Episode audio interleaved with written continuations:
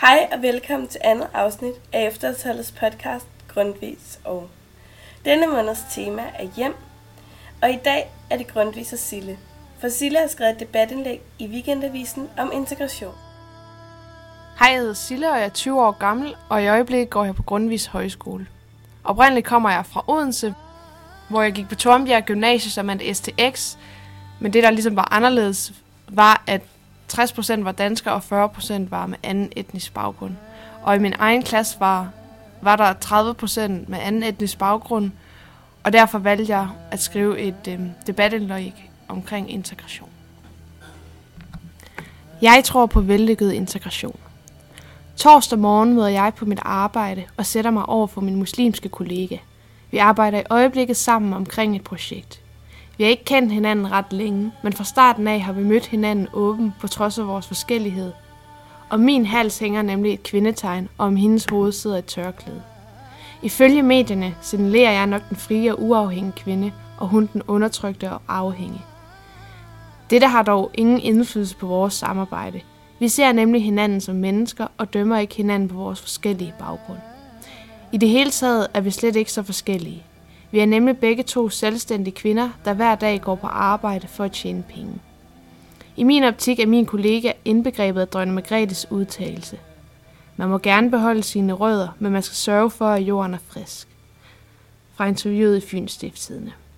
I sit interview giver dronningen blandt andet udtryk for, at integration har været en større udfordring, end vi havde forventet, og at de fra Sydøstasien har klaret sig markant bedre end dem fra mange andre lande. Dette kommer egentlig ikke bag på mig, da jeg tilhører den generation af unge, der er vokset op med at gå i skole med mange anden generations indvandrere, hvilket har givet mig en anden viden og erfaring med indvandrere end de fleste ældre danskere, på trods af, at det ofte er dem, der udtaler sig. Jeg forstår godt, hvorfor lige fra Kina synes, det er nemmere at integrere sig end Fatima fra Libanon. Den danske ungdomskultur afspejler nemlig en kultur, hvor religion ikke er retningsgivende, Piger og drenge har lige vilkår, og alkoholen er nøglen til det sociale liv, hvilket læner sig tættere op af den sydøstasiatiske kultur end den mellemøstlige. Min muslimske kollegas vellykkede integration skyldes, at hendes forældre har stolet på, at hun stadig vil være en god muslim, selvom hun har deltaget i og praktiseret de danske værdier i folkeskolen. Hun har blandt andet set sine venner blive konfirmeret, gået til fodbold og været på lejerskoler. Jeg har også selv lært noget af indvandrerne. Blandt mine venner med anden etnisk herkomst møder jeg en gæstfrihed, stolthed og livsglæde, vi danskere ikke er i nærheden af. Det var også særligt at opleve den jubel og opbakning, der var, da mine indvandrervenner fik studenterhuen på. Og så får indvandrerne ikke den danske jantelov ind med modermælken, og den skal de heller ikke lære at kende, for den kan vi godt sløjfe. Jeg tror på væltet integration, hvis vi kan være stolte og klare i mødet med vores anden etniske medborgere.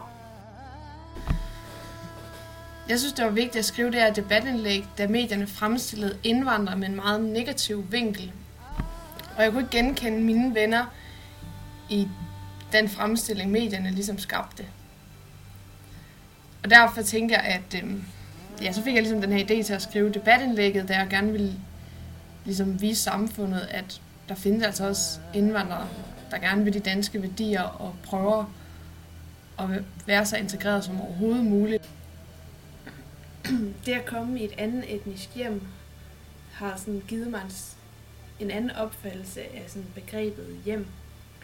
Når jeg ligesom besøgte mine indvandrervenner, så oplevede jeg en gæstfrihed, som jeg ikke har oplevet i dansk hjem.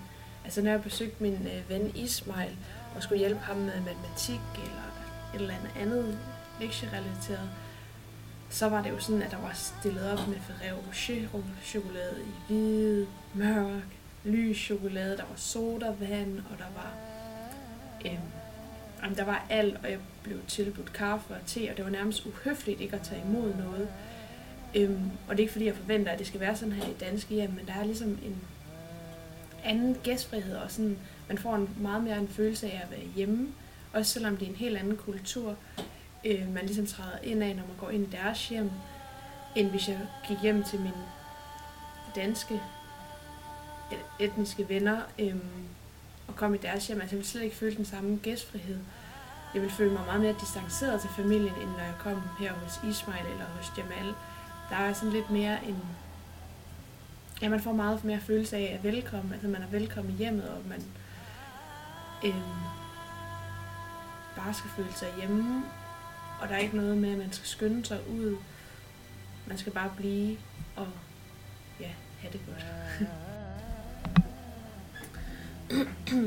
jeg skrev det her debatindlæg omkring øh, min kollega Rasha, og jeg havde egentlig ikke øh, fortalt hende, at jeg havde skrevet debatindlægget. Jeg var sådan lidt bange for, at hun måske ikke ville bryde sig om, at jeg havde skrevet et debatindlæg. Øhm, men det positive var egentlig, at jeg efter det ligesom var blevet udgivet, tog mig sammen og skrev til hende på Facebook, at jeg havde lavet det her debatindlæg, hvor hun så faktisk skrev en rigtig fin besked tilbage til mig, som jeg lige kan finde her. Øhm, og hun skrev så, øhm, jeg har nu læst det rigtig mange gange, og kan ikke sige andet, end jeg er stolt af at lære dig at kende. Dine ord får mine øjne til at løbe. Det er godt nok længe siden, at jeg har læst noget lignende, som har gjort mig glad. Endnu en gang tak. Øhm, og det var nok det, det var jo egentlig det vigtigste, at hun faktisk blev stolt og glad for, at jeg havde skrevet det her. Og derudover så har jeg fået ja, kun positive henvendelser. Der er ikke nogen, der har synes, der var noget forkert i det, jeg skrev. De var kun ikke genkende til det. Så det var jo dejligt. Tusind tak til dig, Sille, for at medvirke i det her program. Vi ses næste gang til et tredje afsnit af serien Hjem. Det var Grundlyd.